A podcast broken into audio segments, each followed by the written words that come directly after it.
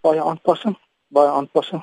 Is te lank binne gewees. So ja, maar van voor af begin. Tegnologie, so selfoon en so aan ek kan nog so 'n bietjie om knoppies aan en af te sit. Soms wil ek iets optel en druk ek om dood. Dit mense bel en ek kan nie opneem.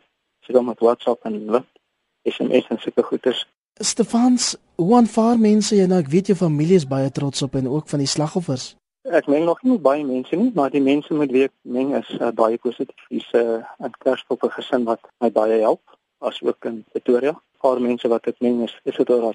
Ek weet jy's ook dinnig met allerlei projekte vir Madiba Dag. Vertel ons daarvan. Ek het in my 6 maande van dagparol het ek uh, ingeskakel by Future Chat.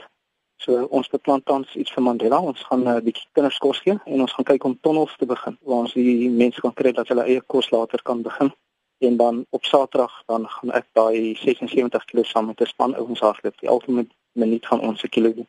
Jy was eintlik maar nog gekind toe daai bom geplant is in 1996.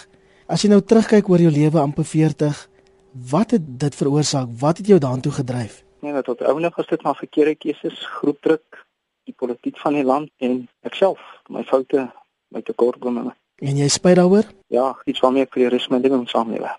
Wat is jou boodskap aan die slagoffers van daai aanval? Ek is vandag vry, ek is buite. Daar's mense wat na 'n begrafplaas moet gaan om aan hulle kinders te dink, hulle pa te dink so. Al wat ek kan sê vir die mense wat vergewe het, is net dankie. Ek kan niks meer sê nie wat ek wel ook kan sê is dat ek hoop met die tweede kans wat God my gegee het, die vertroue wat die victims in my gestel het, om so te lewe dat hulle nooit spyt sal wees vir die uh, keuse om my te vergewe nie.